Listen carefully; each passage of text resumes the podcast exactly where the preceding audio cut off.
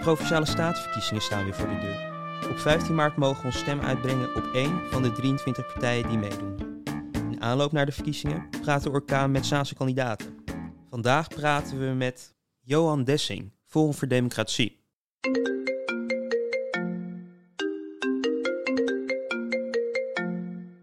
Kunt u binnen één minuut vertellen waarom je op Forum voor Democratie moet stemmen en in het bijzonder op u? Forum voor Democratie is de enige partij die systeemoppositie voert. Wij zijn constructief eigenlijk tegen het hele stikstofklimaatbeleid. Wij zijn tegen het, de, de klimaatagenda. Wij zijn tegen immigratie.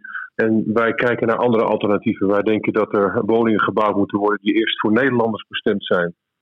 Wij denken dat Nederland gewoon met aardgas verwarmd kan worden. Dat fossiele brandstoffen zeker niet de planeet vervuilen. En zeker niet zorgen dat, er, uh, dat het ervoor zorgt dat alle, alle zeeën overstromen. Dat is absoluut niet waar. We hebben een enorme gasvoorraad in de grond zitten in Groningen. En die voorraad kunnen we gebruiken om de torenhoge energiekosten van de energierekening, die door het slechte beleid van Rutte is gemaakt, dat we die gewoon kunnen verlagen. Het kan gewoon. Dus er zijn oplossingen die, die we kunnen aandragen. Maar dan moeten er fundamenteel andere keuzes worden gemaakt. En dan moeten we ook fundamenteel anders durven denken.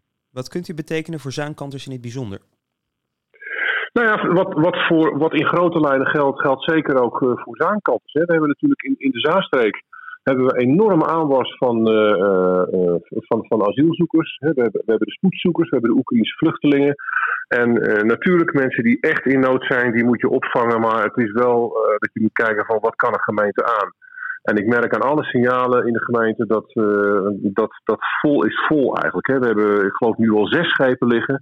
Die ook langer blijven liggen dan noodzakelijk. En mensen vinden daar wat van. En we moeten toch kijken dat we naar een structurele oplossing kijken waarin we de mensen in het land kunnen gaan opvangen. En natuurlijk, de, oorlog in Oekraïne, die is uh, zeker een, uh, een, factor. Maar ik uh, denk dat we, dat, dat, dat we ons, ja, ons steentje meer dan genoeg hebben bijgedragen. En dat we, daar, dat we daar ook naar moeten kijken. Dus dat is het eerste wat voor wat betreft de Zaanstreek. En het tweede natuurlijk ook de energierekening. Want die, die is net zo hard voor, voor de zaankanters als voor alle anderen. Daarnaast natuurlijk de, ja, de, de, een enorme woningbouwtekort wat er is. Maar ook de woning, woningen die al heel erg vol zijn. Hè. Dus de Zaanstad is al enorm vol. Er is enorm weinig groen. Het is de minst groene gemeente in Nederland. En die willen we dan ook nog vol gaan bouwen met huizen die we ook voor spoedzoekers uh, gaan doen. En, en, spoedzoekers, daar vallen natuurlijk ook mensen onder die gescheiden zijn. En zo. Wij vinden dat de Nederlandse spoedzoekers dat die daar voorrang voor zouden moeten krijgen. En we denken dat we, ja, dat we daar toch paal en perk moeten stellen, omdat, uh, omdat het gewoon niet past. Er is in de provincie ook veel te doen om de A8-A9-verbinding. Wat is de toekomst ja. voor deze verbinding? Ja, ik heb net gelezen dat, uh, dat UNESCO een negatief advies heeft gegeven over uh, het, het, landschapsplan. Mm -hmm. Ik vond zelf het landschapsplan vond ik een enorm goed, goed stuk waarin eigenlijk naar alle facetten is gekeken, van links tot rechts. Hè. Dus, dus de natuuraspecten, de, de emissie-aspecten, maar ook de enorme overlast die Kromme nu ervaart van het sluipverkeer, waar echt een oplossing voor moet komen. En daar was de A8, A9 in de vorm zoals die lag op tafel, was wat ons betreft een fantastische optie geweest, die ook de Zaanstreek had kunnen oplossen. Dus ik ben uitermate teleurgesteld dat dit advies er ligt. En ik verwacht toch nog dat er, een, uh, ja, dat er gekeken wordt naar een creatieve oplossing om toch te zorgen dat die verbindingsweg er, uh, er zou kunnen komen. Daar willen wij ons in ieder geval als forum in de provincie hard voor maken. De leefbaarheid staat onder druk vanwege het aantal vluchten op Schiphol. Maar de regio is ook economisch afhankelijk. Hoe ziet u de toekomst mm. van Schiphol voor zich? Ik vind de economische factor van Schiphol, die wordt wel eens onderschat. Schiphol heeft direct en indirect zorgt voor meer dan 3% van het bruto nationaal product van heel Nederland. En als je daar tegenover zet dat de overlast, die natuurlijk wordt ervaren, en dat onderken ik niet, uh, maar dat die een heel stuk minder is door enorm stille motoren van de laatste tijd, door veel minder emissie van, van stikstof, uh, dan denk ik dat je al met al uh, een, een, gezond en een economisch bloeiend Schiphol zeer goed kunt verdedigen. Daarnaast wordt er ook uh, bij, bij aan- en uitvliegroutes wordt er al enorm gekeken dat er om, om kernen heen gevlogen wordt, ook tijdens de nacht. Dus wat ons betreft is Schiphol een, een, een, een nationale trots die we juist zouden moeten koesteren. En dan wel met het oog op de omgeving en daar natuurlijk voor in gesprek blijven.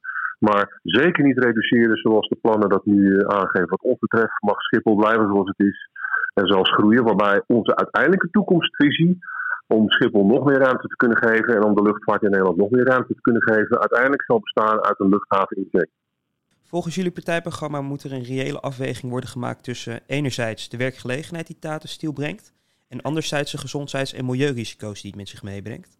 Ja. Wat is er een reëel toekomstperspectief voor Tata Steel?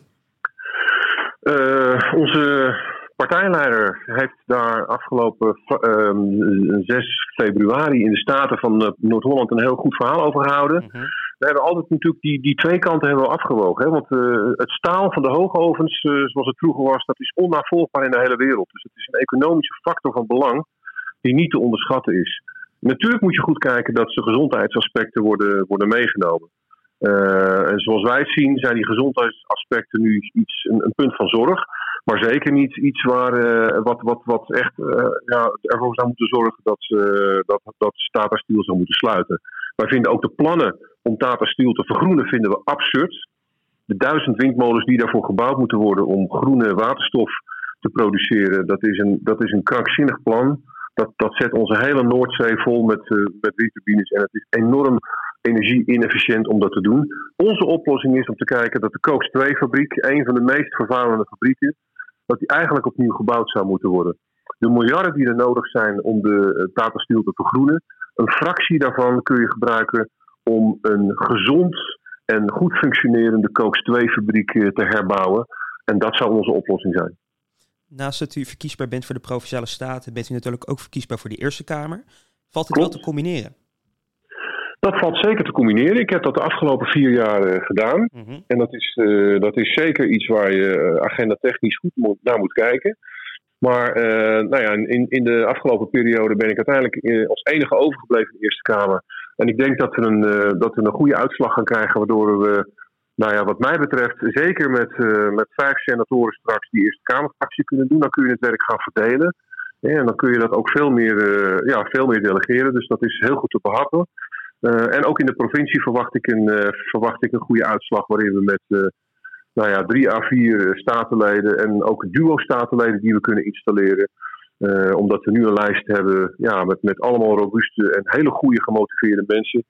Waarin we ja, een heel goed team kunnen zorgen zodat we de belangen van ja, de inwoners van, van Noord-Holland ja, zo, zo goed en zo efficiënt mogelijk kunnen bedienen. En dat, dat gaat ook in deze uh, combinatiefunctie, zoals ik het net schetste, zal dat, zal dat zeker gaan lukken.